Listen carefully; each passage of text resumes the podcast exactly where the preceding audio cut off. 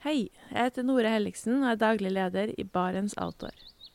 Det beste vi kan gjøre for planeten, er å redusere forbruket vårt og få mer ut av det utstyret vi allerede har. Men vi vet av erfaring at bruken av telt kan endre seg over tid. Det teltet du kjøpte for to år siden, passer kanskje ikke det behovet du har i dag. Derfor har vi i Barents etablert en egen panteordning der vi tar imot brukte telt av god kvalitet i innbytte når du kjøper et nytt av oss. Prosessen er enkel. På barentsoutdoor.no gir du oss informasjon om teltet du vil bytte inn. Basert på det får du et tilbud fra oss som gir deg rabatt på ditt neste Barents-produkt. Mer info og betingelser finner du på barentsoutdoor.no. Og husk at den første reparasjonen på produkter fra Barents er alltid gratis.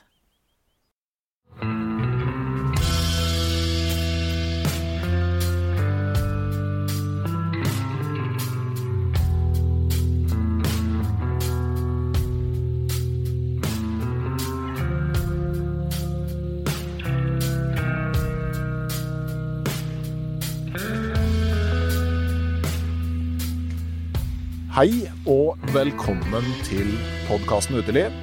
Mitt navn er Randulf Valle, og dagens episode tas opp foran eh, en eh, flammende ovn i et eh, telt i Nordland. Vi er rett ved Junkerdalen nasjonalpark. Og dagens gjest er en jeg besøkte for ganske nøyaktig to år siden, og som har vært konstant på tur siden da.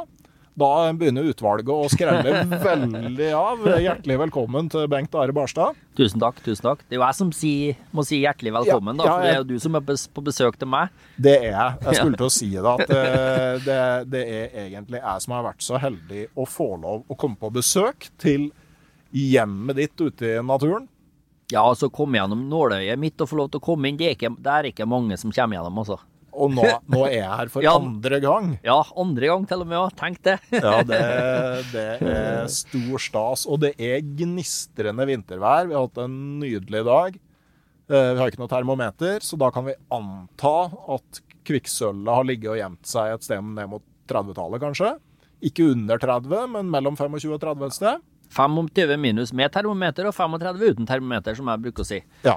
Og så kan vi jo da, som enkelte andre i eh, din bransje, begynne å snakke om effektive kuldegrader, så høres jo alt mye kulere ut med en gang. Ja, ja. Masse effektive kuldegrader. Da jeg snakka med deg sist, så var du på god vei mot 1000 døgn ute, som var første mål. Ja. Eh, Så suste du rett forbi 1000-døgnsjubileet og sikta direkte på 2000. Ja. Eh, Og så har du justert enda en gang, tror jeg, siktet. Ja, prosjektet mitt nå heter jeg kaller jeg for 2000 dager ute. Eh, og det er jeg ferdig med i august 2025. Men jeg skal være sammenhengende på tur til 11. februar 2026. For da har jeg vært på tur i seks år, seks sammenhengende år. Så det er det som er målet nå. Ja. Det øker stadig på, da. Men eh, du har jo da antagelig ikke store problemer med å svare på mitt faste åpningsspørsmål. Har du hatt en fin tur eller naturopplevelse nå i det siste?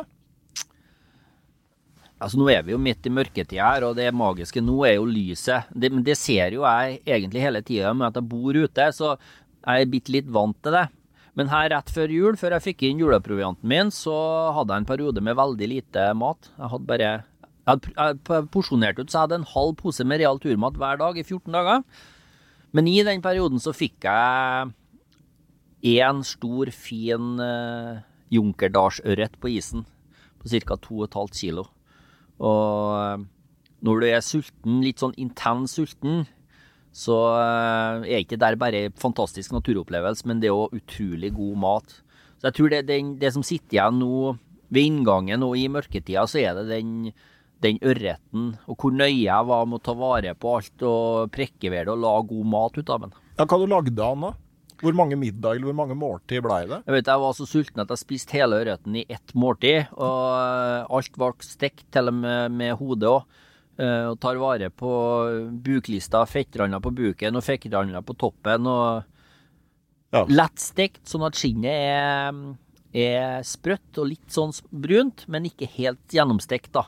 Da syns jeg ørreten smaker best. Jeg kan eh, støtte det, altså, men, men da er det sånn at du koker suppe på det siste, eller blir bare alt stekt og fortært?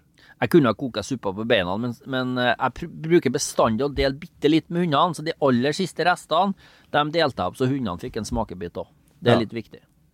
Men når du har en halv pose real turmat for dagen, når på dagen spiser du den?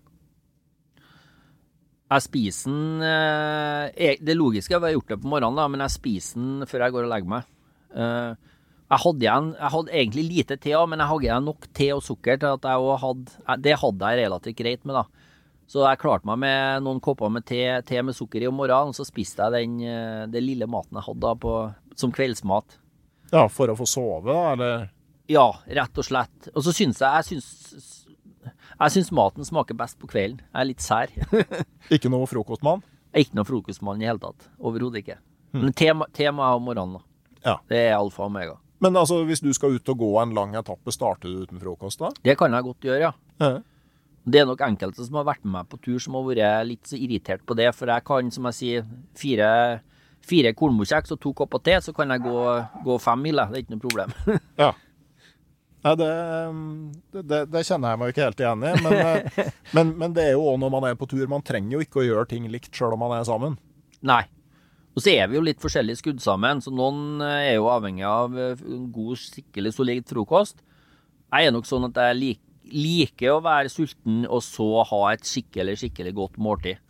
Um, så det det er ikke bestandig jeg spiser mer enn ett måltid per dag. Det, Har det alltid vært sånn, eller er det noe som har utvikla seg i løpet av prosjektet? det har nok blitt litt mer ekstremt gjennom prosjektet, ja.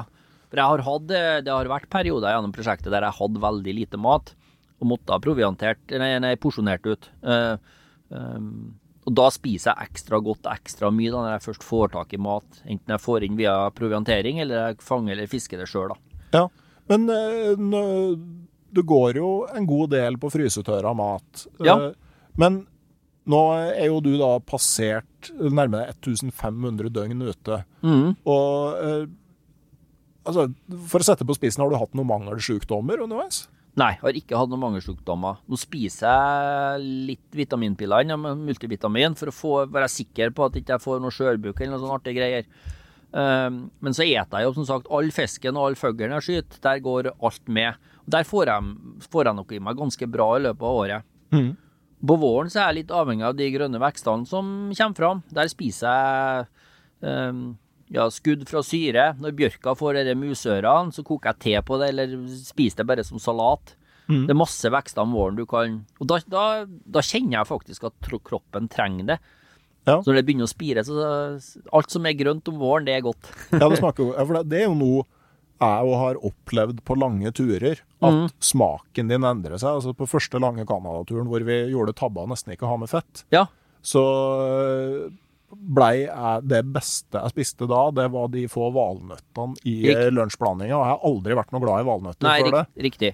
Så kroppen sier at øy, det her syns jeg kanskje du burde ta litt mer av. Jeg tror nok kroppen, kroppen sier fra. Og noe av det viktige når du snakker om fett, så, så eh, Når jeg vokste opp og det var snakk om langturer og ekspedisjoner, så var det jo karbohydrat det var fokusert på. Og jeg mener jo det er bare tull. Fok fokusert på fett og protein. Uh, uh, Det er jo det som kanskje har vært det største aberet på prosjektet mitt, og at jeg tidligere har hatt for lite av det. Ja. Det kunne ha vært litt skummelt, da. Mm.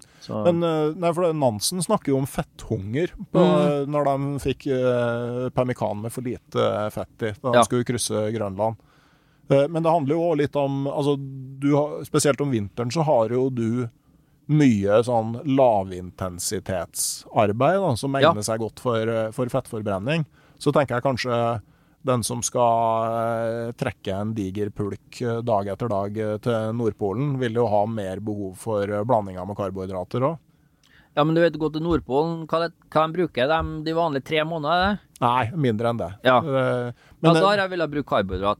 Ja. Men for, for der, som oftest så har du litt for fett på kroppen når du starter òg. de bruker jo ganske mye fett fordi at det er mer energi i et gram fett enn i et eh, gram karbohydrat. Så du Mm. får med flere kalorier jo mer fett du tar med.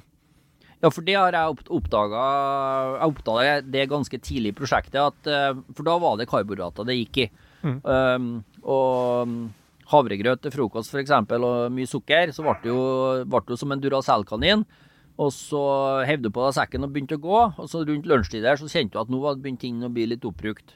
Mm. Så når du spiser fett, da Altså om vinteren nå, eh, etter proviantering, så får jeg inn en del fleskepølse. Det er jo rent fett.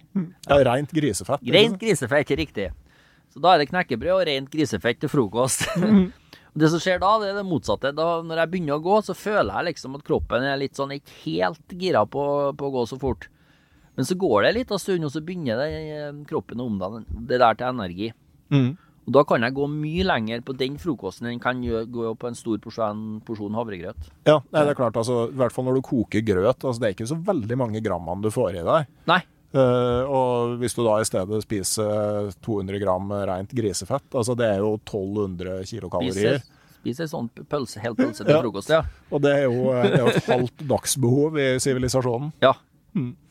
Nei, det, det er bra. Men sånn eh, eh, Er det noe sånn at du eh, på en måte hamstrer bær og sånn på høsten, eller spiser du bare det som Spis. er tilgjengelig? Spis det som er tilgjengelig underveis, ja. Og det kommer av at jeg, jeg er jo som en nomade. Altså, jeg forflytter meg stort sett hele tida.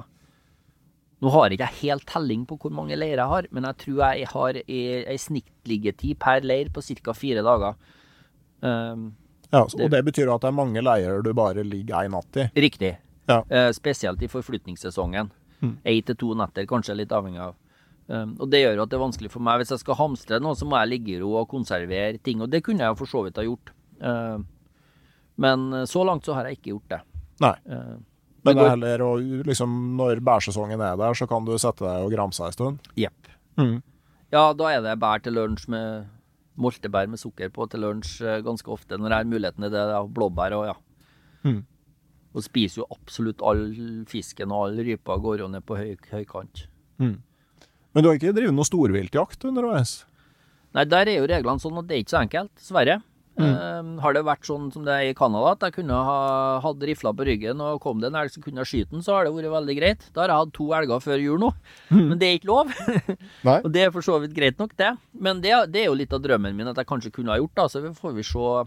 Jeg er ikke ferdig med prosjektet ennå, så om jeg kanskje får til ei storviltjakt før, før jeg er ferdig. Mm. For det er fullt mulig, spesielt om jeg skyter et sånt stort dyr senhøstes, eh, etter at eh, det kommer minusgrader så flua er bort, så det var ikke noe problem for meg å konservere det og, og ha det utover vinteren.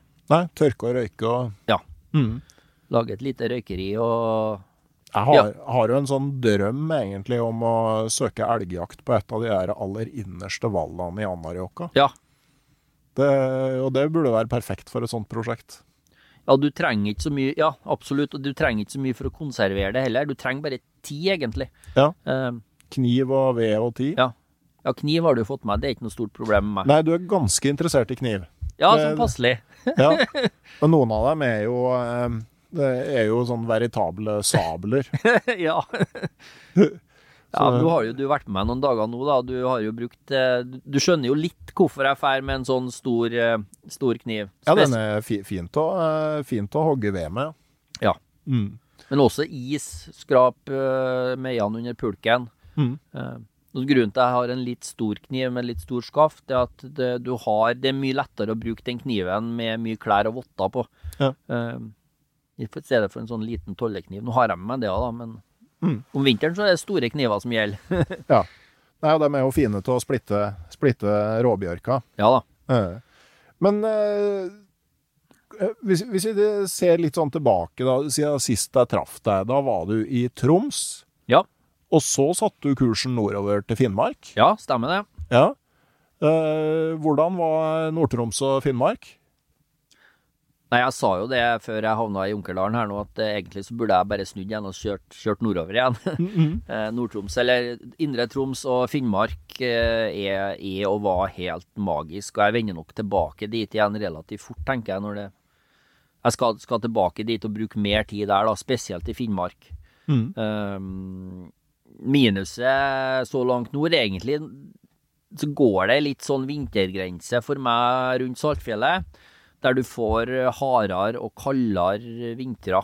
Um, Ja. Så vinteren, vinteren i Indre Troms og vinteren i Finnmark, da ja, Vinteren i Finnmark, da hadde jeg sju og en halv måned med sammenhengende vinter uten plussgrader. Ja. Ja. eh, Og kanskje mye, kanskje mer vind og mindre lys òg. Ja. Ja, mørketida i Finnmark var den drøyeste. Men det fine med Finnmark er at du relativt stabilt kaldt vær, og det er mye klarvær, så har du det fantastiske lyset som du får spesielt oppe i Finnmark, da. Mm. Sjøl i Indre Troms så, er- så har ikke det, det samme lyset. Eh, Nei, så det redder jo mørketida oppi der, vil jeg si. Jeg har nevnt det før, men sånn som da jeg bodde i Hammerfest, og vi dro til eh, innover, sørover i Anarjokdalen, tre mil sørover langs mm. Anárjohka. altså først Karasjok og videre sørover. Påfallende hvor mye lysere Ja. det blei. Også fordi det er flatere landskap og bedre Ja. sikt mot sør, men, eh, men også bare en tre-fire timer kjøring sørover. Eh, Ja. Det gjorde noe med dagslyset, altså. Ja, det, det gjør det, sjø, og, men som jeg sier, det magiske vinterlyset oppi det er helt eh, Det, er helt, det må oppleves. Det må det. Og nå hadde jo jeg en hel vinter på Finnmarksvidda. Jeg var ikke innomhus en eneste gang. Det har jo ikke jeg vært i det hele tatt på turen. Annet enn når vi var på Ole Nergårdbua. Ja. Hadde noen få overnattinger i de buene i Divedalen. Ellers så har jeg sovet ut hele tida, også Ja, du, du sa du hadde sju overnattinger innendørs, da mener jeg å huske. Ja, jeg tror det ble 14 til sammen. Ja. Ja, Og alle i de buene i Statskog-buen i Divedalen. Mm. Um, så jeg lå hele, hele fjordvinter på Finnmarksvidda i området rundt Masi, egentlig. Mm. Mellom Solovopmi fjellstue og Esjjævri. Mm. Og veldig spesielt. Og det er jo det som er så fint med Norge, at vinteren, selv om det ikke er langt i luftlinje fra Indre Troms til Finnmark, men det var to vidt forskjellige øh, overvintringer for meg. Eh, så jeg, jeg sa jo det når jeg kom opp uh, Reisadalen eh, Det her blir jo i fjorsom, året før. Fjorsommer. Nei, året før. 2022. Mhm. og kom opp på Vestvidda, da, kom opp på Finnmarksvidda for første gang, at, eh, at Finnmark er 100 ganger bedre enn det jeg trodde. Og det, det står jeg fast med. Eh, naturen i Finnmark, opp, naturopplevelsene i Finnmark, de er skikkelig rå. Mm. Både fiske og jakta og naturen og ja. Um, men eh, når du òg snakker på den lange vinteren Jeg skal bare hive i en vedkubbe til. her. Hiv inn en vedkubbe, du. Du har høgd kløvene sjøl med en stor kniv, så Ja. Lære så lenge man lever. Ja!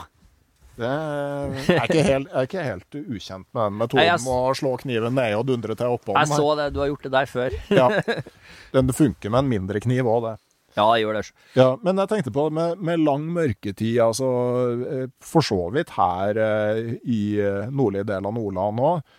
Men på en måte, hvor lett er det sånn Kan det ikke bli vanskelig å holde seg i aktivitet og finne på noe? Er det ikke lett å synke ned i en sånn slags apati? Jo, det har du rett i, men jeg ser jo på meg sjøl som en relativt sånn allsidig friluftsmann. Altså jeg både jakter og jeg fisker, og jeg har med hundene. Eh, og da har Jeg har en del faste rutiner som gjør at dagene går uansett, da. Mm. Men den derre monotoniteten i Monotomiteten i eh, mørketida kan Det er vel det, det som er den tyngste biten av det. Eh, men ikke sant, jeg må jo gi hundene mine vann hver dag, og tine vann til dem, og må gi dem mat, vi har fast kosing. Eh, jeg jakter litt hvis jeg er på plasser der det ryper, jeg fisker litt hvis været Ja, ikke sant? Så jeg har bestandig ting å gjøre, sånn sett. Ja, men er det ikke av og til sånn lett og sånn Altså, du må jo ikke jakte, og du Nei. må ikke fiske.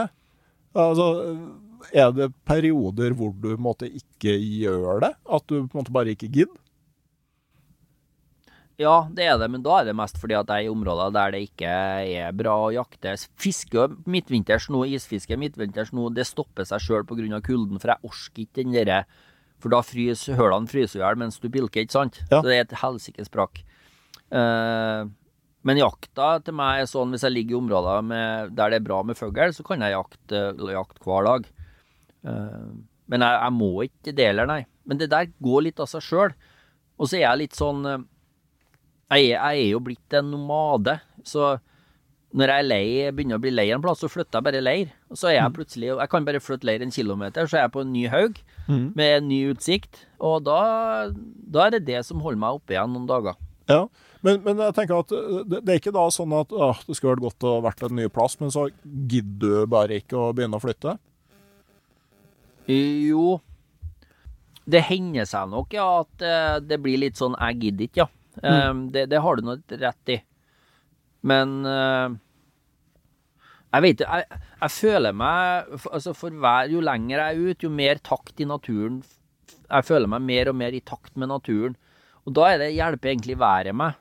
Så nå sant, så har vi hatt en kaldperiode. Nå begynner jeg å bli leit, litt lei av at det har vært kaldt så lenge. Mm. Og så sier du at nå er det mer litt mildvær og dritvær, og det gleder jeg meg egentlig til nå.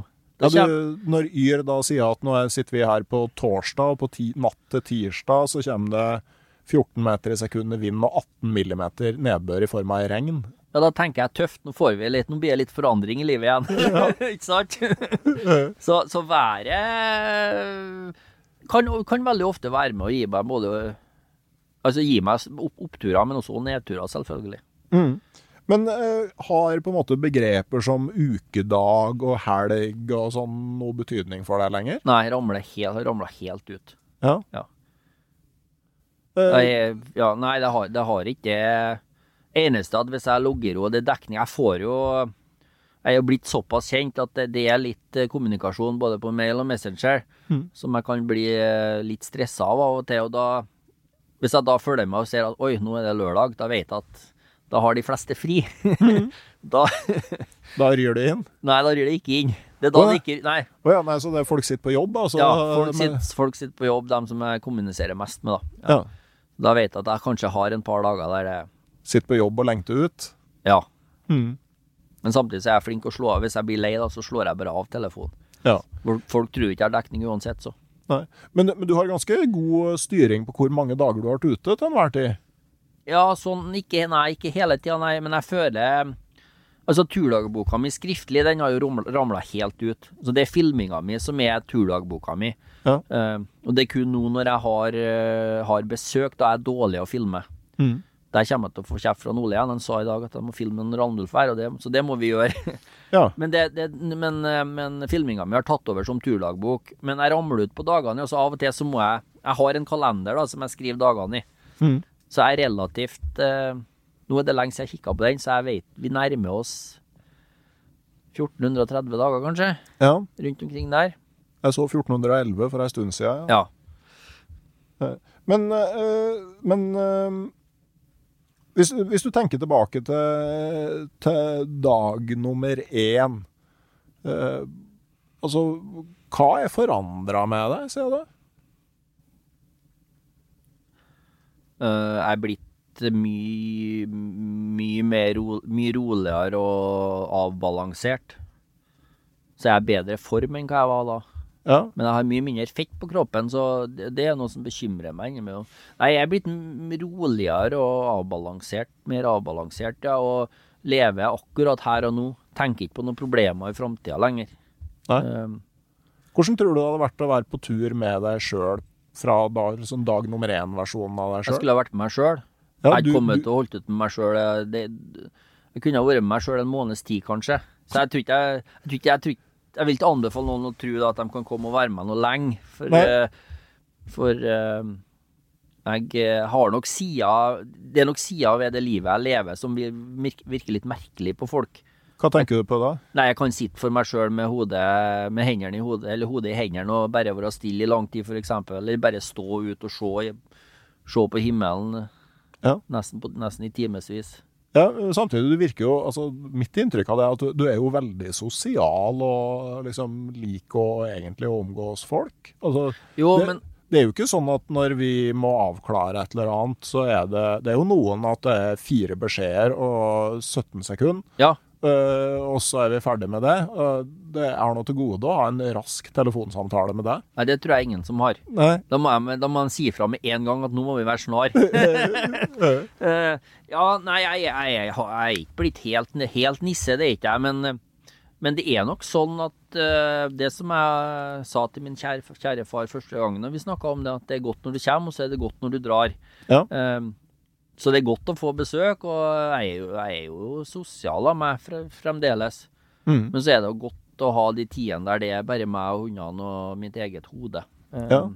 Ble enig med Stian eh, med sekken om at Ja. eh, vi, hvis vi Altså, han sa at vi, vi, hvis vi hadde vært pelsjegere og bodd i hver vår nabodal, ja. så kunne jeg kanskje fått lov å komme på besøk en gang i måneden. ja, Og det, det, ja. det syns jeg var, det var en ære. ja. Det, Nei, jeg syns, det, det er trivelig med besøk, men så er det jo som sagt godt å eh, Godt for meg å være for meg, for meg sjøl og bare meg og hundene. Jeg er jo, jeg er jo en særing eh, i utgangspunktet, vet du, sånn sett. ja. Eh, Rett og slett. Men du, altså, tror du på en måte de særhetene blir forsterka, eller blir de avslipt fordi du får dyrka det livet du kanskje ikke syns du fikk gjort før? De blir nok litt, Jeg tror ikke de blir forsterka, de blir avslipt, ja. Og så tror jeg nok at det har skjedd mye på de årene siden jeg dro òg.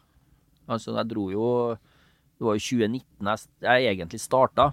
Mm. Det begynner å bli noen år siden. Det har skjedd mye i verden siden den, den gangen. Altså, det er nok veldig, veldig mange. Så jeg, jeg lever nok et veldig annerledes liv enn eh, de fleste andre. Det, det gjør du nok. ja. Så sånn sett så kan det være, kanskje være litt vanskelig for folk å skjønne, skjønne både hva jeg driver med, og hvordan jeg er blitt. Mm. Ja. Men hvis du tenker tilbake til liksom de første 20-30 dagene, tror du at du har et riktig minne om dem? Ja, jeg, ja, det har jeg, for jeg, jeg, husker, jeg husker veldig godt. Jeg har Ja. en god husk. Mm. Um, og jeg bruker spesielt de to-tre De to siste mørketidene. Altså mørketida for meg, det har blitt en periode der jeg mimrer en del og tenker på en del ting. Både det som har skjedd tidligere, og det som kanskje kan skje i framtida. Så Så jeg tror nok turen min har eh, på mange måter har blitt litt sånn som jeg har tenkt at det skulle bli oppi hodet, samtidig som, som selvfølgelig en del ting som har vært og blitt annerledes. Ja, hva for noe da? Um, jeg trodde at jeg skulle bevege meg mye fortere. Mm. Det skjer jo ikke. Nei? Eh, jeg nyter områdene eh, og bruker mer tid på de områdene jeg drar gjennom det jeg å, trodde jeg kom til å gjøre. Jeg fisker mye mindre enn det jeg trodde jeg kom til å gjøre. Jeg, mm. ja. Det er blitt sånn at jeg fisker egentlig når jeg, bare, når jeg føler på kroppen at det er bra. Ja, du, Eh. du har en sånn hunch for at nå er Ja. det giftig? Riktig. Så jeg, jeg gidder ikke å stå og fiske hele, hele tida. Sammen med jakta òg, egentlig. Mm. Um, så det er nok en del Jeg er nok, for, vel, jeg er nok en annen person nå enn når jeg dro. Mm. Um, Men, ja, men så, for eksempel sånn som med døgnrytme. Uh, har du en? ja. Jeg har egentlig en relativt grei døgnrytme som følger lyset. Mm. Nå når jeg fikk besøk, og klokka ble seks før vi gikk og la oss, da var den døgnrytmen fucka. Jeg er òg avhengig av å ha, ha, ha litt god søvn hver natt. Det betyr ikke at jeg trenger å sove så lenge. Jeg trenger ikke å sove i tolv timer, men jeg må ha skjønnhetssøvnen min. Og den kan jeg få selv om jeg sover bare seks timer, litt avhengig av hvor godt jeg ligger. Mhm. Eh, Men som ofte så sover jeg veldig godt, da. Så jeg er, no, jeg er ikke noe A-menneske, nei, men, men jeg, har nok, eh, jeg har nok en relativt fast, fast døgnrytme i forhold til årstida, ja. Ja, men sånn som om sommeren, da, når du har vært nå i eh, midnattssolens land eh, et par-tre somre. Døgn- Altså, hva skjer med døgnrytmen da? Nei, da har du ingen. Nei? Nei, ja, men det, du, følger jo, du følger jo lyset. På mange måter, døgnrytmen blir jo lyset. Mm. Døgnrytmen min er lyset. Så om sommeren så kan jeg jo være våken i to og et halvt, tre døgn, ikke sant? Mm. Hvis, hvis det er bra, det er fint og ja. Så, så må jeg ha en periode der jeg sover igjen, da. Ja. Så der ble det litt sånn, ja. Ja, for det, det er jo på en måte min erfaring, at på midtvinterstur i nord, så er du, hvis du skal slippe å bare være ute i mørket, så må du ha faktisk litt disiplin. Ja, du må det. Mens på sommertur i nord, så kan du bare leve helt Da gønner du på døgnet rundt. Ja, det er liksom du sover når du er trøtt, og spiser når du er sulten, og fisker når du har lyst. Ja, riktig. Eh, Men jeg, vil jo tro at døgnrytmen min er Det, var litt det kunne jeg ha forska på, men den, den er, den er påvirka av vær, vær, vind og lys egentlig gjennom året. Ja, så sånn om vinteren i fullmåneperioder, da? Da er det jo egentlig, kan det jo være eh, forflytningslyst ute døgnet rundt. Ja. Og da er jeg nok, jeg er nok vært litt avhengig hvor jeg har vært den. I år så har jeg vært for dårlig å utnytte dagslyset. Men så har jeg også, det har vært en lang kuldeperiode med relativt fint lys om natta. Mm. Så da har jeg brukt kveldene eh, og kanskje litt natta på forflytning, ja. Mhm. Og det fungerer som gull. Ja, fint. Eh, og så har du fått eh, ny hund i Kaospatruljen. Ja. Ei tispe. ja. Nå er jeg komplett kaos 2. Eh, Hvordan gikk det til? Nei, altså, jeg satt jo i Stordalen innafor Bones, ikke så langt unna Narvik. Og den første snøen var kommet der, og jeg skulle egentlig forflytte meg enda litt lenger. Så jeg skulle forflytte meg til Skjomen før vinteren kom, da, men det skjedde jo ikke. Den kom jo i begynnelsen av oktober i fjor, og var, og var vinter fra dag én. Og da har Jeg jo vurdert også fått meg hund, eh, en hund til tidligere, for han Tapper han begynner å Han er ikke like god trekkhund som det han var. Begynner å bli gammel. Ja, Hvor gammel er han? Han er ni nå, Ja. ganske nøyaktig. Mm. Ni år. Mm. Og så vurderte jeg i Finnmark å få meg en hund til, og det er, at det er noe jeg har tenkt på en par år. Men det er et ansvar å få, få en hund. Um, så det er, noe, det er noe jeg har tenkt på lenge. Mm. Men uh, da ble det tatt en avgjørelse på at uh, Da tok jeg den avgjørelsen at jeg skal få til meg en hund til, og det skal være ei tispe. Da var det ei tispe til salgs på Northern Light Dog Adventure utenfor Tromsø.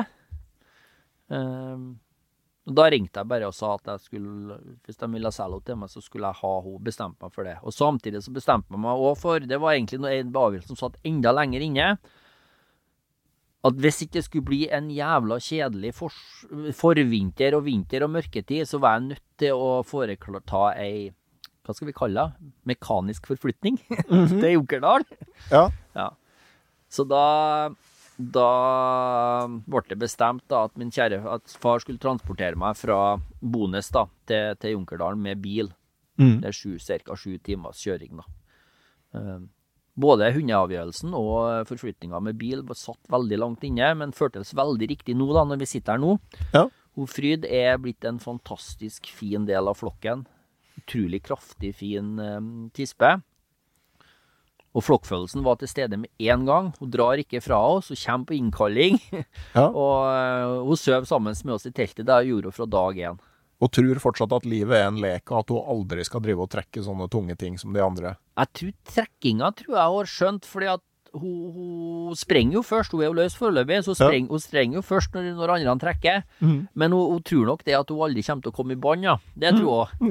Så det kommer til å bli litt artig, da. Om noen uker så skal jeg begynne å ha henne litt i bånd, da. Mm. Men eh, altså, jeg går ut fra at hundemat er jo en av de største kostnadene dine her. Det kunne vært det, ja, men heldigvis så har jeg en kjempegod fòrsponsor fôrsponsor som har vært med meg nå i flere år, og det er Troll hundefôr. Ja, ok. Jeg bruker et fôr som heter for Troll Ekstrem, som er, er Det er jo et huskyfôr som veldig mange hundekjørere bruker. Ja. Men sånn eh, ellers, da. Sånn, hva, er, hva trenger man egentlig av hva er de faste kostnadene dine? Altså, hva er det du trenger for å komme deg gjennom en måned? Jeg, trenger eh, telefoner, jeg har jo telefonregning. Ja. Og så um, har, jeg, har jeg utgifter ved proviantering, da, kjøring til min kjære far. Mm. Uh, så jeg har noen sånne faste kostnader, men det kan jo ikke sammenlignes med det jeg kom til å ha i sivilisasjon. Nei. Men så har jeg jo noen, noen heldige sponsorer på hundemat, ja. Ja. Uh, nå har vi jo gofla litt real turmat her. Jeg får, mm. jeg får real turmat. Og det, det satt òg litt langt inne, for jeg var dritlei real turmat en periode. Men nå bruker jeg kanskje real turmat på en annen måte.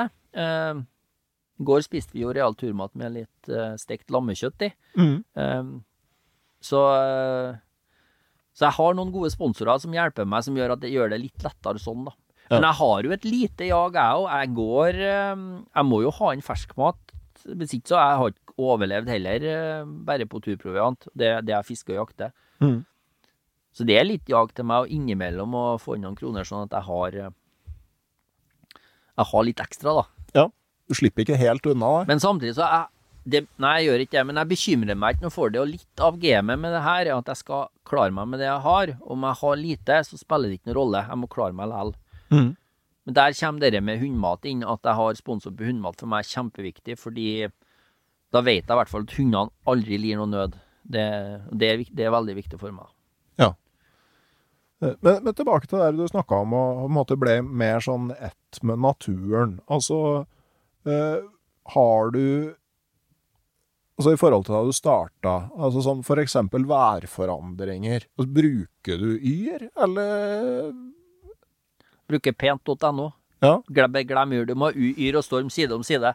For som oftest er de uenige. Så du må Jeg gjør det, altså. Det, det er kanskje det eneste Jeg kaller jo nyheter, jeg, da, for meg. Altså, Ja. Værmeldinga er jo nyheter for meg.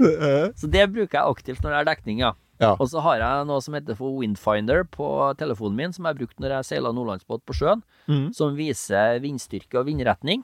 Ja. Men eh, jeg kan jo si det så, men at det er ikke bestandig at alt det der stemmer, så det er veldig viktig ut å, å se på været òg, ja.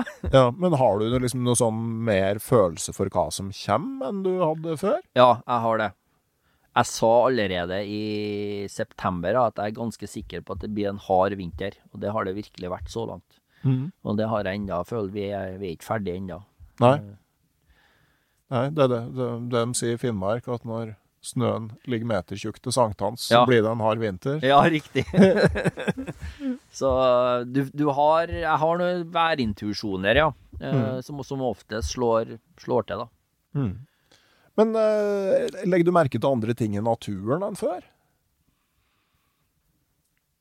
Ja, så har jeg jo snakka litt før om det med mismatch i naturen. Altså, det er jo veldig få områder Det finnes ingen områder i Norge, vil jeg påstå, som har komplett økosystem. Det er rett og slett fordi at de fleste store rovdyrene våre er borte, og så er det stort sett all skogen er dyrka skog. Så jeg merker Jeg merker kanskje litt mer den der mismatchen, som jeg kall- kaller det, da. At, eh, at jeg beveger meg ikke i villmark, jeg beveger meg i natur, men eh, som er veldig sterkt påvirka av mennesker, selv om vi, vi kaller det villmark, da. Det kan være sånne Av og til så er det faktisk et følelse av ubehag. Det er direkte nesten sånn at man halvveis blir kvalm. Ehm, Ja, hva kan det utløses av, sånn konkret? Nei, første gangen jeg merka det, det var da jeg gikk fra Muresjøen og gikk passert Kvesjøen, og passerte eh, Kvesjøen på om jeg tenker på, om det må jo bli på sørsida. Og Der det stort sett eh, var dyrk, dyrka skog som eh, Altså bar, barskog med tøm, tømmerhogst av, av ymse årganger. Eh, og da, da følte jeg et, et ubehag, og du merker det på, ikke bare på vegetasjon, men du merker det på fuglelivet, og spesielt fuglelivet, kanskje. Det er jo det som er lettest, og som det mest, vises mest av i Norge. Mm. Um, og så kan det være uh, jeg kom ned, ned Jeg skulle ned Gaperuslia ned i Reisadalen første gangen, når du ser strømledningen som er trukket over dalen. Uh, sånne ting kan uh, Ja. Men det går veldig skal lite til, for det går over igjen. Mm. Er det for noen, meg- er det noen ja. områder som har liksom virkelig representert det motsatte av det her, da? At du føler at her er det litt mer sånn Ja, altså du Reisadalen kunne jo- er jo absolutt et eksempel på det. Mm. Um, helt, helt klart. Men, eh, men villmark for meg har egentlig blitt mindre lomma enn kanskje det de fleste definerer det som. Det kan kanskje være eh, ja, eksempel her vi ligger nå, eh, der du har relativt urørt bjørkeskudd, ingen scooterspor eller noe her, for her er vi utafor trafikkert område, selv om vi er veldig nært. Mm. Vi ser ingen hytter. Her, her kan jeg få villmarksfølelse. Ja. Så sånne små lommer. Eh, og dem er det ganske mange igjen i, i Norge, da. Mm. Men jeg mener jo det at den definisjonen av villmark, der du skal være minimum fem kilometer unna menneskelig inngrep, det eksisterer ikke lenger i Norge. Dessverre. Mm. Det gjør det ikke. Nei, det er i hvert fall temmelig små områder, da. Ja, det er ganske sikker på. Eh, kanskje høyt til fjells i Jotunheimen noen plasser, vet ikke. Mm. Nei. Eh, Men eh, av naturopplevelser, da? Har du hatt liksom, har du opplevd Opplever du stadig ting du aldri har opplevd før? Tja. Ja, altså, naturen slutter jo aldri å fascinere meg. Uh, og jeg passerer jo stadig nye naturtyper, nye områder. Uh, så, så det er bestandig nye ting å legge merke til, ja. Mm. Uh, et eksempel kan jo være når jeg kom ned fra vinteren i, i fjor vår. Da kom jeg ned til Daudis og havna alt med et knøttlite, knøttlita kjenn med stor ørret. Eh, og ørret med farger som jeg aldri har sett før. Ørreten var veldig, var, veldig fargerik og fin, nesten som en var i gytedrakt hele tida. Mm. Så det er forskjellige opplevelser både med planter, fisk og fugler og dyr. Eh, har, har, har veldig trivelige opplevelser med fugler, spesielt uh, gjennom sesongen. I fjor, så det, jo, i fjor det kalte jeg jo for uglens år, for jeg har aldri sett så mye ugler i hele mitt liv. Hm. Han Ole var så overraska, for jeg har, jeg har I samme filminga så hadde jeg filma haukugle, jordugle og det var ei ugle til. Ja. Jeg lurer på om det var spurveugle. I samme klipp? Samme klipp. Ja. Ja. Ja, da går det unna. Ja, men det var mye ugler. Det var i Dividalen. Ja. Ja. Godt Og mye gnag rovfugler generelt. Eh, godt gnagerår, da. Det var ikke noe lemenår, men det var, eh, det var mye mus, ja. Mm. Og jeg så jo snurten av snøugla to ganger i Indre Troms i fjor. Ja. Og det var jo en spesiell opplevelse, da. Er det første gang, eller? Ja, først, Mm. Nei, andre gangen. Jeg så snøugle i, i Børgefjell én gang, i et femtedels sekund. Ja. Var den som fikk seg en alvorlig knekk etter Harry Potter, da. Ja, riktig. Mm. Eh, det, ja. Det, er- jeg, kun, jeg kan jo for lite jeg, jeg oppdager jo det at jeg kan, spesielt om snøugler, så kunne jeg, kunne jeg for lite, da. For eh, jeg lå jo opp med et godt røyevann i sommer eh, rett etter jeg så de første. Da så jeg tre snøugler på én gang. Og da er det litt sånn sånn, skal jeg tro på det, eller skal jeg ikke? Var det, var det bare måse likevel? Mhm. For de, de, de var i flukt, da, eh, og et stykke unna.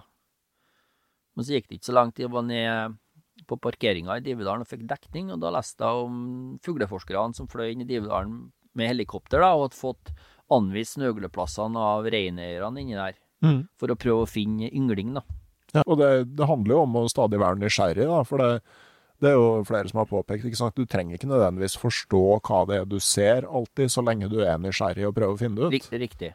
Det, Det, og det er mange det er mange ting i naturen som man kan være nysgjerrig på, som man ikke, som ikke jeg kan noe om.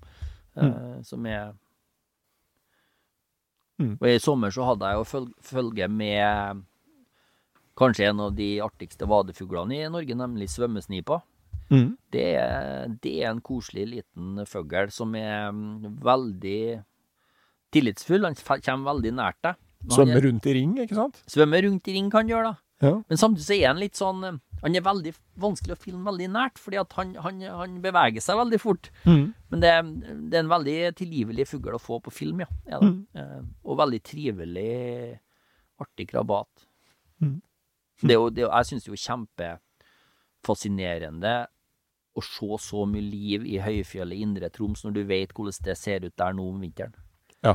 Det er helt merkelig. ja, der er det goldt nå. Der er det godt nå, tro meg. Men jeg syns jo kanskje det aller mest fascinerende er da å vite at jaktfalken blir igjen der. Ja, tenk det. Det er hardcore, altså. Ja, Ja, men da, nå har du jo rypa rypa den her, og jeg blir like fascinerende hver gang jeg skyter hvit vinterrype, og du kjenner Det er sånn som nå, det kan være nesten 30 minus, og så tar du hånda di innunder vingen. For den har jo litt varmere kroppstemperatur enn oss, og den kjennes kjempevarm ut. Det, det er fascinerende. Det, Mm. Ja, det er nok marginale liv, det der. Men eh, folk som har vært veldig mye ute, de, begynner jo òg ofte å legge merke til ting de virkelig ikke kan forklare.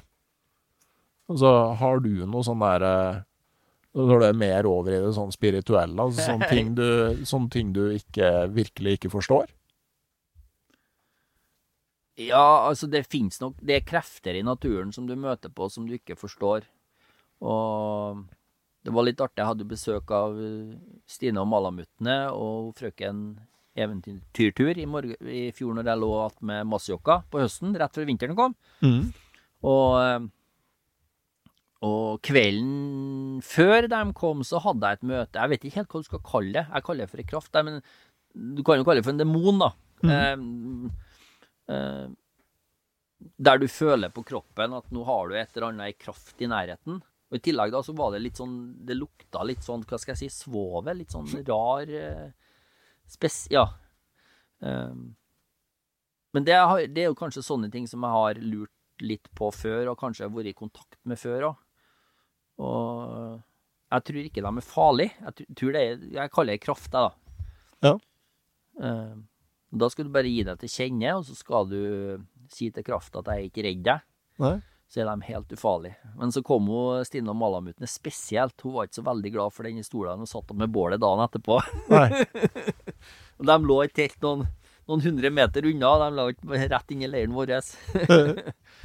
uh, Kan jo være greit med tanke på hundene òg. Ja. Men det er litt sånn kanskje det merkeligste av og til, at du merker at hundene merker ting. Eh, Ja. eh, nå bor jo vi så tett at jeg er jo blitt en fjerdedel søsken sjøl. Da er det litt sånn merkelig å se at de merker ting som jeg ikke oppfatter. Ja. Eh, og så har vi jo av og til noen veldig sære kontakter, spesielt med fugler. da. Eh, vi hadde jo ei gås i fjor høst med massejokker som som nesten var en del av flokken i 14 dager, før reven tok henne, da. Og jeg Mm. måtte, jeg måtte skyte henne. Det var en veldig spesiell opplevelse. Ja. husgås. Husgås, ja. Men når du var med Masiokka, altså det noe folk lurer på, er jo fiskinga di. For du er jo blitt rein fluefisker Ja. underveis her.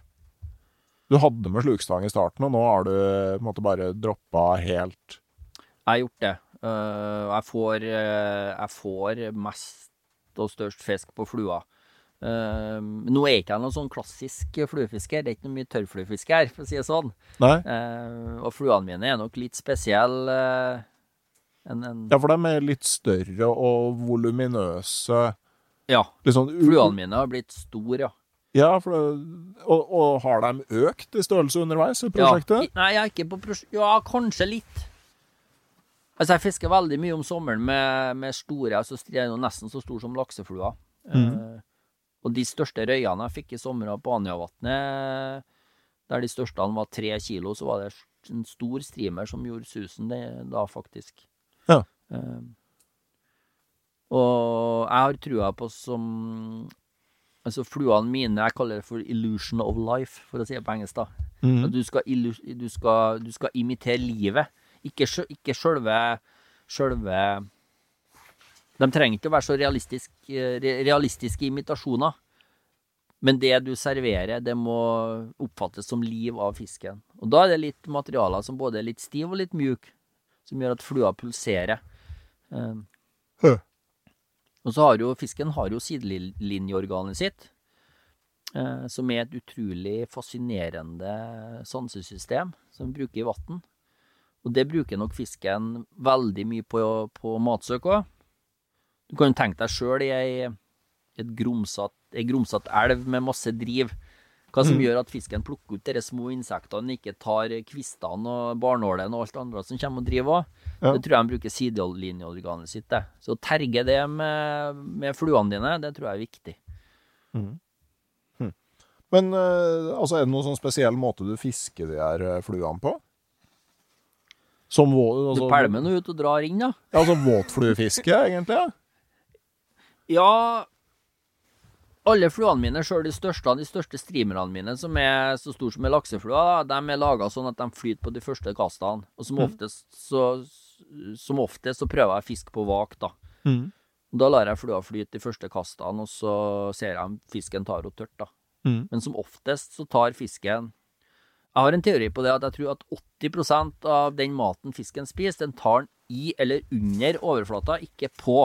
Mm. Altså, så ren tørrfluefiske, det Du kan selvfølgelig ha god effekt av det, ja, men det er ikke det som er mest effektivt. Og som ofte så ser jeg at eh, spesielt stor fisk, den tar flua akkurat når den synker. Ja. Eh, Så når, når flua er halvdrukna, da fisker hun mest effektivt. Det er jo kanskje sånn eh, litt sånn fornuftig med tanke på at da, da ligger en litt sånn hjelpeløst i, og er Mm. lett å få tak i. Og Det har jeg jo sett av og til når, det, når fisken tar store insekter, sånn som stankelbein. Så er det ofte sånn store plask. Og mm, har ofte fiska tørt da, og så plasker fisken til flua, men sitter ikke. Gang på gang. Da tror jeg rett og slett fisken drukner, eller får, får den stankelbeinen under vannflata, og så tar den den synkende. Ja. Eh, Så det kan jo være et tips. Hmm. Det har jeg hatt god suksess med mange ganger. Ja. Men eh, hva er det som gjør når du, du sa jo innledningsvis sant, at du driver ikke og fisker hele tida. Altså, hva er det som gjør at du får en feeling om at nå, nå bør jeg fiske? Det kan være enkelt på sommeren, da, for du følger jo med på vaktaktiviteten. Men sånn i høyfjellet så er det veldig få dager der du kan følge med på vaktaktiviteten. Um, så jeg har ett bet- bettidspunkt i døgnet som jeg fisker ganske jevnt på hvis jeg trenger mat. da, Og det er mellom klokka tolv og tre på vanlig på dagen. Det er mitt beste tidspunkt i døgnet å fiske på. Det er litt sånn motsatt av det du ofte får eh, beskjed om. Det er jo fordi at de fleste fluefiskere spesielt, de er vant til at vi skal ta morgenbettet. Og når, da er du dritlei å fiske når klokka blir tolv. Da vil du ha pause. Ja. Til meg er det motsatt, for jeg er jo, jeg er jo ikke akkurat Hvis jeg skal ha morgenbate, så må jeg, må jeg døgne, må jeg gå døgnet rundt. Ja. um, men så har det òg erfaringer ved å sitte og se på vaktaktiviteten. Og mine beste fiskeøkter, mine største fisker på sommeren, har jeg fått mellom tolv og tre. Det nærmere, altså mellom to og tre, egentlig det beste tidspunktet mitt. Ellers er det litt sånn feelingen på hver værskifta, for eksempel, kan være kjempegiftig. Fra godvær til regnvær og ja. Mm. Snakk på vaking i høyfjellet. Jeg var på reinsjakt i år. Det var langt ute i september. Ja. Og det hadde vært ordentlig kaldt og skitvær et par dager, og så skein det opp. Ja. Og da satt jeg på post og speida med kikkert og eh, så på stor fisk som vaka i ei lita elv eh, Ja. nedafor der. Mm, Godt ute i september. Ja, altså du, Jeg tror de fleste avslutter, sjøl fluefiskeren avslutter fiskesesongen litt tidlig. Når det begynner å legge seg is eh, på elven eller på vannet, da, da begynner det å bli vanskeligere, har jeg funnet ut. Men helt fram til da så går det fint an å få fine fangst, fangster, sjøl senhøstes. Da, da jeg snakka med deg sist, så var jo det her med røya, det hadde du ikke funnet ut av. Nei. Har du kommet noe lenger på den? Jeg, jeg trodde jeg- Ja, jeg kommer lenger, ja. Jeg trodde jeg knekte noen koder, ja, men, eh, men uh, røya er ikke, ikke enkel. Um, veldig usikker på om det finnes noe Om det noen gang kommer til å kne, gå an å knekke den koden helt. Eh, jeg hadde jo som sagt et fantastisk, en fantastisk fiskeopplevelse i sommer der jeg fikk eh, På to dager så fikk jeg sju røyer. Den minste var 1,7, og den største var 3 kilo. Oi. Og det var um, litt sent på sommeren, der vannet var blitt varmt. Og første røya så hun hoppa midt utpå det store vannet. Og det er sånn Røya hopper jo aldri sånn kjempehøyt, med sånn lakseplask. Og det er ofte tegn på um, at fisken går i vann med lite oksygen. Så det var, det var ikke noe bra fiskeperiode. Og så ut av det vannet så renner det ei elv som også inneholder en del bra ørret, så jeg fant ut at jeg må prøve elva i stedet. Så jeg fikk en fin, fin ørret nedi elva. Og så på tur tilbake på kvelden, bare helt tilfeldig når jeg og hundene passerer, så plasker det eh, et lite stykke utmed ut ei vik. Helt litt sånn usannsynlig plass, for det var ganske grunt der. Mm. Og det plaska flere ganger, da. Og så gikk jeg dit, og så skjønte jeg jo da at der står det en røyestim. Og mest sannsynlig så var det et kaldtvannsoppkomme uti der. Og så tok jeg noen kast, og så fikk jeg hele stimen etter flua. Men de tok ikke bare sånn rolig sånn svømmetak på dem. Eh, og det var, det var en par hundre røyer, og som sagt, den største jeg fikk på land, da, var tre kilo. Var stor fisk. Og jeg kaster og kaster og kaster. Stimen etter, ingen tar. Bytte flue, bytte flue, bytte flue, og du er sånn, du holder på å gi opp. Og så bytter jeg om til litt spesiell grå flue som har litt sånn sjøl- sjøllysende rødt i bakkroppen. Og da ser jeg plutselig at hannfisken For de har begynt å få gytedrakt. Så jeg, jeg, jeg klarte å skille hannfisken og hovfisken. Da så jeg at hannfisken begynte å bli litt aggressiv. Mm. Um, Så teknikken da, det var å hive flua ut, få stimen inn, sånn at du fikk den på ordentlig kastehold. Mm. Kast den flua da på skrå på sida, og trekk henne relativt kjapt inn. Og til slutt da, så klarte jeg å lure da den første fisken. Mm. Så jeg fikk én fisk den første dagen, så fikk jeg seks fisker den andre dagen, og den tredje dagen fikk jeg ingen. Nei. Eh, Jeg kom over en sånn røyestim som var stengt inne i en kulp en gang. For Ja. var elva var gått ned. Og der var det, det så de var der, men det var ikke så lett å få dem til å ta. Men da var det sånn der sjørøyeflue fra Grønland som gjorde susen. ja. Oransje og fortynga i stor fart på tvers av elva. Da smalt det.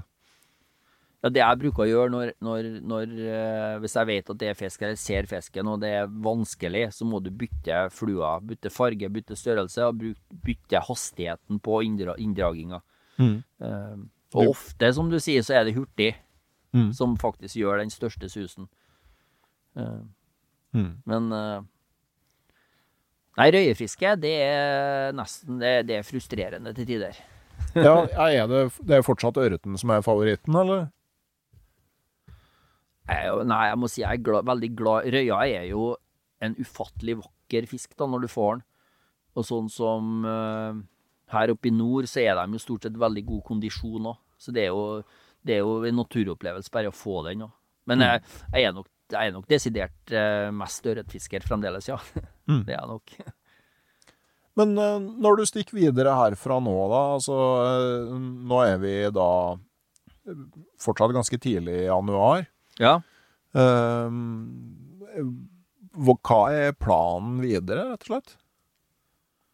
Ja, Nå er det jo rypejakt i det området jeg ligger på nå, til slutten av februar, og det er faktisk en del rype rundt, eh, rundt vannene her òg.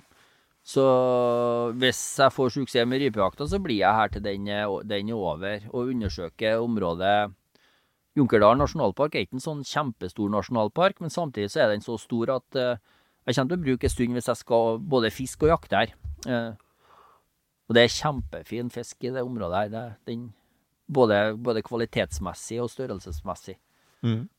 Men så er målet også krysse Saltfjellet via Bjøllovatna. Det er jo ikke helt ukjente røyevann. Nei.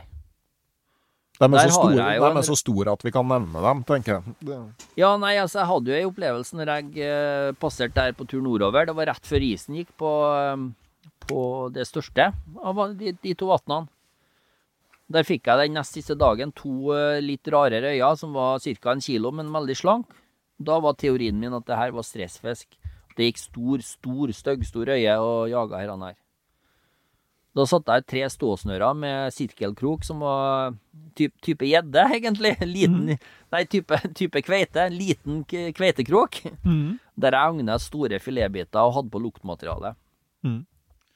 Dagen etterpå så var Jeg tror to av linene var røkka av, og da brukte jeg, brukte jeg 0,38 multifilament. Men da var det iskanten som har skrapa dem opp, selvfølgelig. Ja. Uh, og den tredje kroken han var halvveis retta ut. ja, ok. Så du har eh, ei høne å plukke med monsterrøyene, altså? Altså det som er litt, ja, jeg har det, absolutt. Men det som er litt artig der, da, fordi at jeg møtte jo en reineier på tur inn dit, og jeg snakka med kjentfolk der, og alle, når jeg sier det, så, så sier de nei, det er ikke der det er stor fisk, det er det, det, det Lillevatnet. Mm.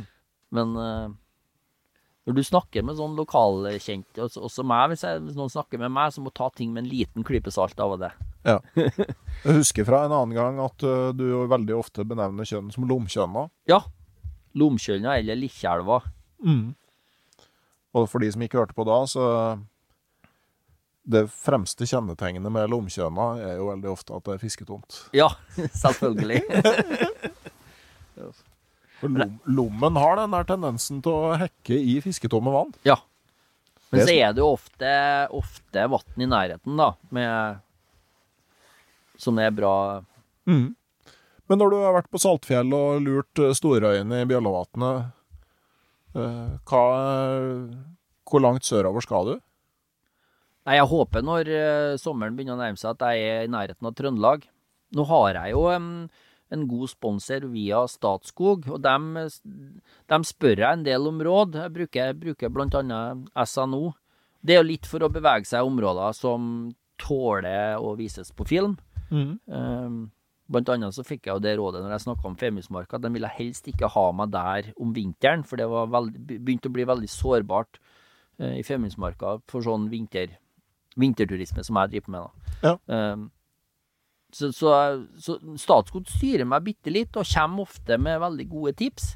Mm. Um, I nærheten av Namstor så er det et, eh, et område, det er vel et naturreservat, det er ganske stort, som jeg ikke husker navnet på. Det kunne ha vært en interessant plass å starte våren på, f.eks. Ja. Men jeg har egentlig som mål å begynne å nærme meg Lieren og Trøndelag, ja, når, det, når fisken begynner å vake igjen. Ja. Så det blir fjellsommer igjen? Ja, det er jeg ganske sikker på. Mm.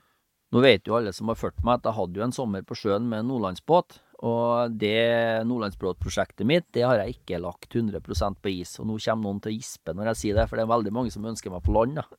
Er det? Ja, ja det er det. Enten så syns de det med sjølivet er farlig, og det var det jo til tider òg, eller så er det det at de liker nok mest friluftsliv på fjellet en del, da. Ja. Ehm, men friluftsliv på sjøen, den måten jeg opplevde eh, den nordnorske naturen på på den, den sommeren, var helt fantastisk. Så det skal jeg fortsette med. Mm. Men nå er det jo sånn at den nordlandsbåten, den omkom i en bilkrasj. Oi, Min kjære far var så uheldig å blåse av veien. uff da. Den var til reparasjon på Kjerringøy til en Ulf Michaelsen, Mm. og var nylig reparert for 40 000. Skulle kjøre den til Gildeskål, og var vel rett før Fauske, tror jeg, så blas bilen og tilhengeren med båten av veien. Bilen klarte seg bra, båten var knust. Det viktigste var jo at far din klarte seg bra. Ja, det, er Meget godt poeng. og så akkurat der og da, fordi at akkurat der og da, så det var nok litt sånn skjebne. Noen skal tulle med det heller, da, fordi at jeg har nok ikke hatt de opplevelsene med Indre Troms som jeg hadde i sommer. Har jeg nok ikke hatt hvis jeg hadde nordlandsbåt, for da har jeg nok vært på sjøen igjen. Ja. Så vet du aldri hva slags opplevelser du hadde fått da. Nei, men den sommeren her tror jeg det var, det var, en, mening, det var en mening med den, for det var Jeg hadde mange, mange fantastiske naturopplevelser i Indre Troms. Mm. Eh, Men du ikke, den er ikke reparerbar, den nordlandsbåten din? Nei. Så nå har jeg et prosjekt der jeg må finansiere en ny en. Og det er òg en litt sånn spesiell historie. Han Ulf Michaelsen han er blitt pensjonist. eh, men har egentlig lyst til å bygge en nordlandsbåt for meg og det prosjektet mitt, da. Og jeg har jo litt eh, Jeg har jo veldig lyst til å vise fram enda mer av norsk kyst, da, videre sørover, selvfølgelig. Så eh, Men det, hvis han bygger den til meg, så blir det den siste båten han bygger. Eh, og det er jo et Jeg blir litt sånn lidenskapelig når han For, for han Han Han legger sjela si i båtbyggerkunsten, han Ulf Michaelsen. Og han eh, har jo allerede vært og sett ut trær i, rundt Bardufoss som han skal lage båten av. Så det, det der må jeg bare få til på en eller annen måte. Så det blir, det blir nok en sjøtur i framtida, men ikke til sommeren. Nei. Nei. Men hvor langt sørover skal du, da? Nei, det vet ikke. Jeg har jo sagt at jeg skal se hele Norge. Ja. Så, Så plutselig er du i Setesdalsheian? ja, det er ikke utenkelig. Nei? Og spesielt hvis jeg bruker litt båt i tillegg, både opp og ned, og går litt opp og ned. Ja, nei, det, nei ingenting er umulig. Mm. Men du har jo ikke så mye tid på deg heller, da? To år til? Ja, men jeg tenker ikke så mye på tida, vet du. Nei, nei, men eh, det, det er jo for så vidt greit. Men innafor rammene av de 2000 dagene, eller eh, seks årene, så, eh, så er det veldig Ja. mye igjen sørover, da. Det har du rett, rett i, så jeg får nok ikke med meg alt på 2000 dager ute. Men, eh, men jeg blir jo ikke ferdig med turlivet mitt for det. Så jeg har, jeg har mange områder sør for Dovre som jeg har, som jeg har veldig lyst til å besøke, da. Ja, men, eh, men når du sier det, ikke sant, at du er ikke ferdig med turlivet, men altså, hva er det du ser for deg skal endre seg når du er ferdig med seks år? Jeg jeg, jeg vet egentlig ikke, men nå, allerede nå så er det jo, er det jo enkelte som- som maser om foredrag. Eh, så det er mulig jeg må ha en sånn foredragsturné og prøve å så kanskje tjene litt penger. Ja. Eh, alternativet er jo bare å fortsette. Det Ja. er jo et meget godt alternativ, spør du meg. Mm. Men, men, det er jo en mulighet å fortsette å i praksis gjøre det du gjør, uten å på en måte legge den på en måte den dogmen på det som du gjør i dag, da, på et vis da, med at du ikke skal ha noen avbrudd. Det, ja, det, det, har du rett i, og det er vel det som kommer til å skje. Jeg kommer nok til å fortsette, men så blir det noen avbrudd, for kanskje må jeg ha et foredrag der, kanskje jeg har lyst til å være med på Camp Villmark f.eks. med stand der. Altså det, det, er mye som kan skje, og jeg, jeg, jeg, jeg har jo blitt eh, Jeg har jo veldig lyst til å formidle enda mer av de opplevelsene som jeg har opplevd. Det er jo bare en bitte, bitte liten del du ser på Naturkanal 1. Mm. Eh, så det er nok som du sier, antagelig at det blir omtrent samme livet, men, ut, men, kanskje med noen avbrudd, da. Ja, ja for det er jo kanskje òg litt sånn enklere og altså på, på et vis, så paradoksalt nok, så kan det være enklere å få til både de økonomiske og de praktiske rammene rundt ja. ved å slippe den mer sånn dogmatiske delen av prosjektet. Ja, helt, helt rett. Mm. Men når det er sagt, så um, så er det jo det at jeg bor ute hele tida, altså det livet som jeg lever nå, det kommer veldig naturlig. Sånn at det ikke Det er ikke Det er veldig naturlig for meg å leve sånn som dette her. Ja. Så um, det aller beste er jo at jeg bare kunne fortsette. mm. Uh, jeg hadde jo en sånn uh, livepod med, med Tor Gotaas og Marius Nergård Pettersen, hvor vi snakka om de som flytta inn på ei gamme og sånn, gamle mm. dager, og bare blei boende der. Jeg nevnte jo deg i den sammenhengen, mens Marius mente kanskje at det var en sånn forskjell at i dag, så liksom når man gjør sånne ting, så, så konseptualiserer du det i større grad, mens dem liksom på en måte var der fordi mm. man måtte, men samtidig så tenker jeg at altså, jeg syns jo på en måte du litt nærmer deg de som bare velger å bo i skogen, og så gjør du det du må gjøre for å kunne ha det livet? Ja, jeg, jeg gjør jo det. Jeg, jeg, jeg, gjør jo ikke, jeg gjør jo ikke mer enn hva jeg må for å ha det livet. Og det var jo som jeg sa i stad, at hvis har jeg vært en rik mann, så har jeg sannsynligvis vært helt ukjent. For da har jeg bare gjort akkurat det samme, men bare gitt totalt faen i alt. Ja. Uh, men så er det som jeg sa, samtidig litt viktig den der naturformidlingsbiten til meg òg, for jeg ser jo det hvor forsvinner lite urørt natur vi har igjen. Å få folk til å bli glad i naturen uh, og ta vare på naturen, det, det er blitt viktig for meg. Mm. Ja, så tenker jeg òg, ikke sant, det der å ha Altså sånn som at du har filminga og sånn. altså Tenk å ikke hatt noen sånne ting òg. Altså, jeg vil jo tro at det òg er med å dra deg ut og i gang i de periodene hvor det er tungt. Ja, det har du helt fil, fil, Jeg filmer for meg sjøl. Jeg, filmer, jeg filmer ikke fordi jeg må, jeg filmer for meg sjøl. Og det er, det er, viktig for meg. Det er blitt en viktig del av, av prosjektet. Mm. Uh, det er turdagboka mi. Uh, det, det, er filminga mi. Sånn at det at det blir en TV-serie, og det blir noen snutter, snutter, her og der ut av det, det, det blir det. Men, jeg, men filminga har jeg kommet til å gjort uansett. Ja, du tror det? Du, ja, det, ja, det tror jeg. Helt, helt, sikkert. At du hadde vært like motivert for det òg, sjøl om det bare skulle ligge på dine egne disker? Ja, altså det som gjør meg ikke motivert til å filme, det er når Ole sier at 'nå må du filme'. Ja. ja da ramler jeg sammen. så, så, jeg filmer for meg sjøl når jeg har lyst, når jeg har noe å fortelle, og når jeg har opplevd noe. Ja. Og så har jeg perioder nå i mørketida, så er det vanskelig, da, for da er jeg mye alene. Vil jeg være mye alene med mitt eget hode, ja. rett og slett vanskelig å filme inn i sitt eget hode. Det kan i hvert fall bli veldig sært, tror jeg. sånn skikkelig eksperimental-TV. ja. Men, men det er utrolig hva som har liksom eh, Bengt og Are tenker under stjernehimmelen minutt for minutt. Ja. Eller kanskje du Når blir det Bengt og Are med haleheng gjennom fjellheimen minutt for minutt? Jeg tror ikke jeg har overlevd det, skal jeg være helt ærlig det har nok gått an å ha med seg en gjeng eh, og, og gått. Nei, det der, nei, det der tror ikke jeg har vært noe for meg igjen. Uh, men uh, Men jeg gjør jo det Jeg er jo ute her hele tida fordi at det her som er, som er, livet mitt, og det her Det var jo litt av drivkrafta når, når, jeg dro, at det var her jeg følte meg hjemme. Mm. Um, innafor de rammene som jeg lever under nå, da. Ja. Eh, Hvor underveis er det du har følt deg mest hjemme?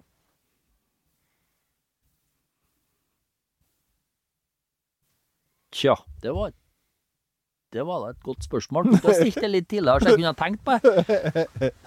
Nei, vet jeg, fø jeg føler meg egentlig hjemme uansett hvor jeg er i, i norsk natur.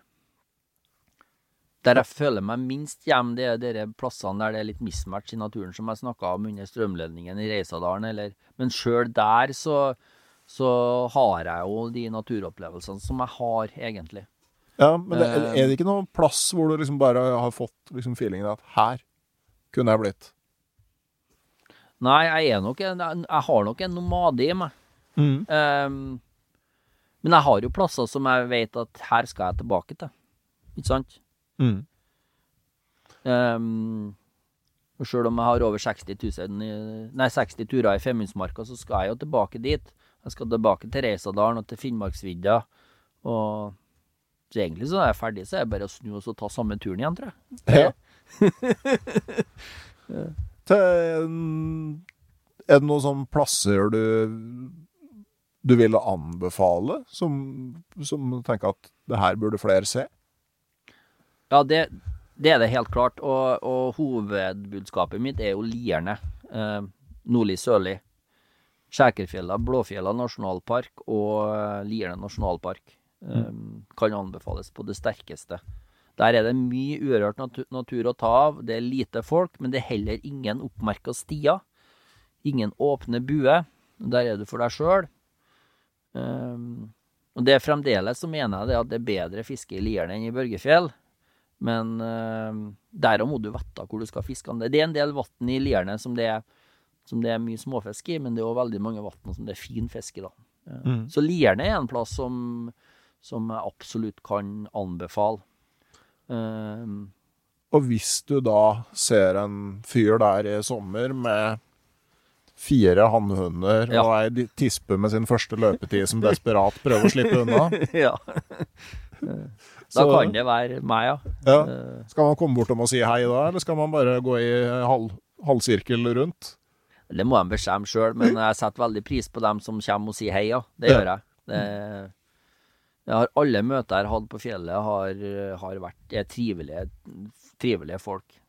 Og Det var litt, var litt artig den eh, Når jeg var inne med Ravdo i sommer og møtte de Det var to fiskere som lå på andre sida, og som fiska seg rundt. Og, og kom og hilsa på meg på slutten av fiskerunden sin, da. Og vi hadde en veldig eh, Vi hadde en veldig koselig samtale helt til jeg spurte hva de jobba med. Og det var to relativt unge gutter. 35-30-35 kanskje. Og de jobba med, med vindkraft. og da sa de rett og slett bare at eh, hvis vi fortsetter å snakke nå, så blir det utrivelig, så nå sier vi ha det, og så gikk de. Eh, så eh, Ja, det er jo en måte å løse det på. ja da. Det, det er det. Men merker du sånn eh, Siden du starta, så er det mer trøkk av TV-serien og sånn? Og så får du mer henvendelser og sånn enn før? Ja, hvis du tenker på sosiale medier sånn, og mail og sånn, så får jeg mer henvendelser, ja. Det gjør jeg helt klart. Jeg, jeg, det, det blir sånn på meldinger ofte at jeg, jeg, kan ikke gå, kan ikke gå gjennom alt, dessverre. Mm. Så ofte så er det Ole da, som kanskje har fulgt med, som sier at han må du svare, eller han må du svare hvis det, hvis det er noe spesielt. da. Mm. Men jeg prøver jo fremdeles også å kon konversere med de fleste så mye, så mye som jeg kan. da. Ja. Uten at det skal Ja. bli en jobb, liksom? ja. Ja, helt riktig. Mm. Det, men jeg merker, jeg merker at, det at det er flere som har fått øynene opp for prosjektet. ja. Mm. Eh, Og stort sett så er det jo bare koselige meldinger jeg får. Mm. Var litt artig her eh, i jula, da når jeg var, jeg var på forsida i Dagbladet. Mhm. Eh, og forsida på nett var 'har ikke dusjet siden 2019'. Ja. Det, komment, det, det kommentarfeltet der det var relativt gøy å lese etterpå. ja, du syns det? ja, jeg syns det. Jeg syns det er humor. Ja. Og så vet jeg jo veldig ofte at det avisene gjør, er at de legger ut eh, samme saken med gjerne sånn to-tre forskjellige titler og ingresser. Og så etter hvert så, så skjønner systemet hvem det er som går best, og så er det bare den som kjøres, da. Så de hadde antagelig et par vrier til på nett, og så var det 'har ikke dusjet siden Ja. 2019' som viste seg å trekke mest folk. Ja. Men sånn tar jeg med hu humor, jeg, da. Det, Ja. det, så, sånt må, eh, sånn må jeg bare, det må jeg bare tåle. Ja. Det var helt eh, Og i den papirutgaven så var det jo anna overskrift, da. Ja. Det var ikke sjokk, altså. Jeg vil tro Hygienesjokk burde det vært i Dagbladet. De har jo ingen titler uten sjokk.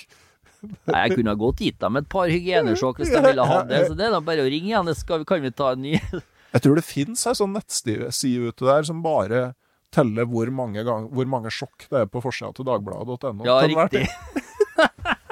Ja, ja, det kunne jeg gitt dem et par av, ja. Hygienesjokk. Hygienesjokk, ja. Det blir årets nyord for 2024. Ja, hygienesjokk.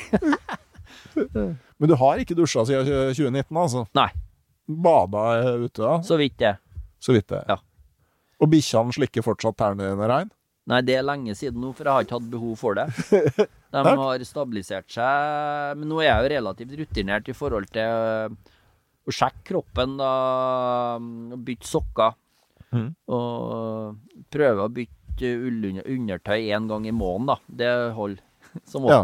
Hva gjør du med Altså, er det bruker en måned, så er det ferdig, eller? Nei. Bank i bordet, så er det ikke det. Jeg er veldig fornøyd med kvaliteten på ullundertøyet mitt fra Aklima. Um, jeg tror jo grunnen til at det holder så godt, er at eh, det blir vaska veldig sjelden. Ja, Henger du ut til lufting, da, eller er det far din som tar det med Pappa tar det med ned i en pose som er knytt godt igjen, og så blir det vaska. Til og med trusene blir vaska opptil flere ganger, da.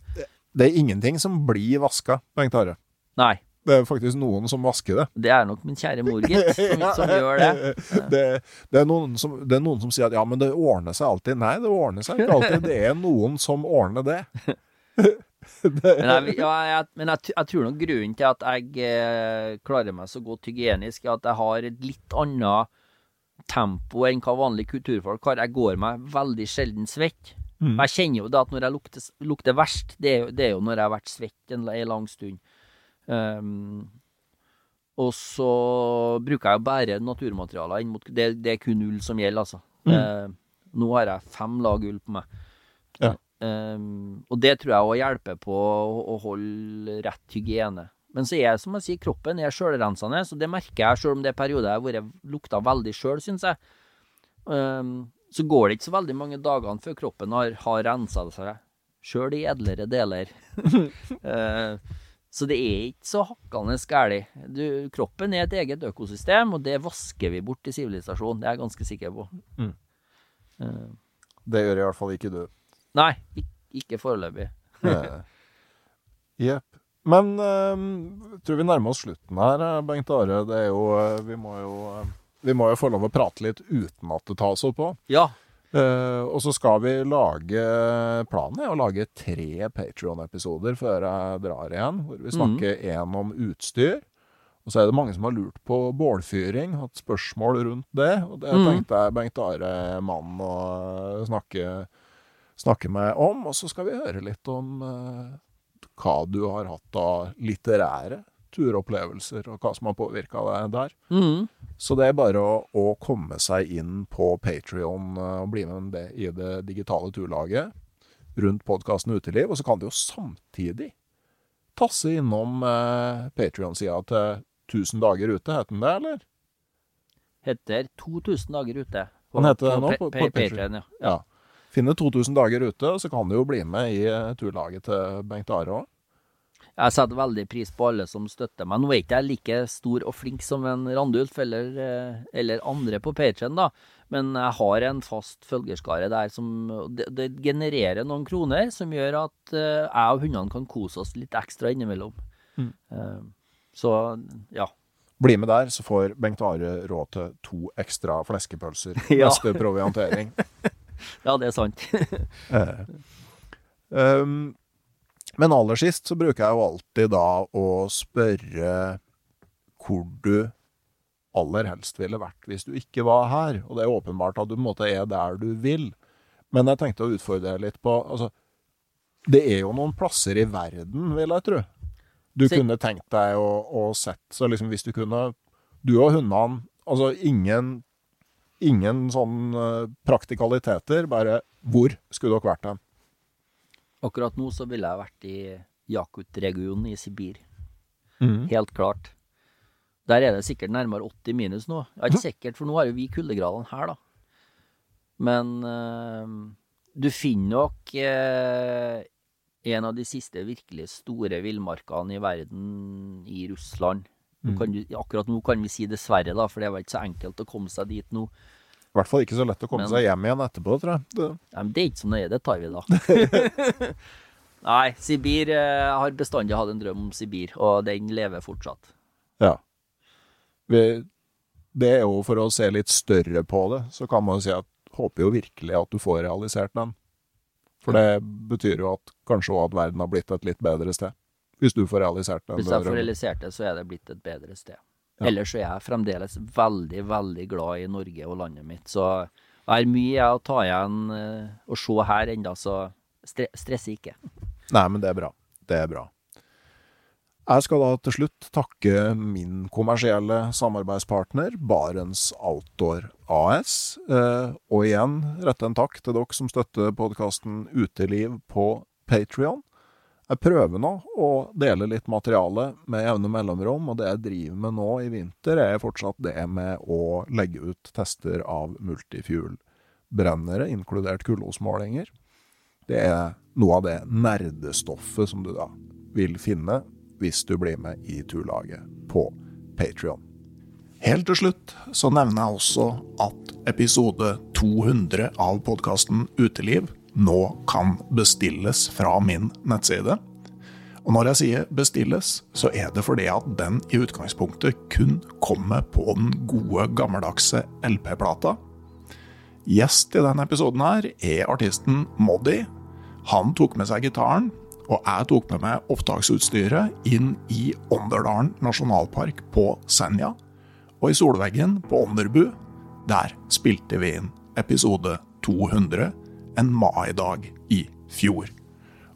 Nå er den altså klar til bestilling, og den sendes ut i slutten av januar.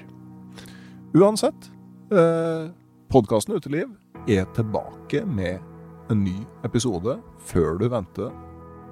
Og inntil da så sier jeg rett og slett ha det bra.